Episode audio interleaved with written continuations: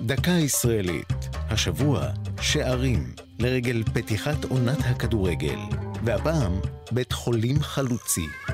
הדוקטור משה ולח, רופא חרדי צעיר, עלה לירושלים מגרמניה בשנת 1890 במטרה ברורה, לסייע לחולים בארץ הקודש. הוא התגורר בעיר העתיקה, רכב לביקורי בית על חמורו, ושמו נישא ברבים כחלוץ בתחום הרפואה. אבל זה לא הספיק. וכעשור לאחר בואו, הקים בית חולים, הראשון מחוץ לחומות, מוסד שהיה המתקדם ביותר באותה תקופה, שערי צדק. בית החולים נקרא על שם השכונה שבה הוקם. ולח ניהל אותו במשמעת ברזל, תוך שמירה קפדנית על ההלכה היהודית ומסירות אין קץ. זה היה מקום מיוחד. בסמוך לו פעלה רפת, שסיפקה חלב לחולים גם בזמני מחסור, ובין כתליו השתובבו ילדים, שהיו חלק מבית היתומים שפעל בו.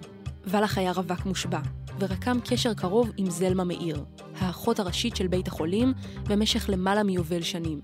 לבלח היה בית החולים הרבה מעבר למקום עבודה.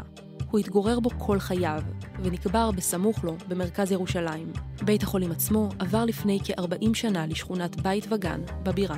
זו הייתה דקה ישראלית על שערים ובית חולים חלוצי, כתבה אחינועם קפון, ייעוץ הפרופסור שפרה שוורץ, הפיקה פרח בר גולדפרב.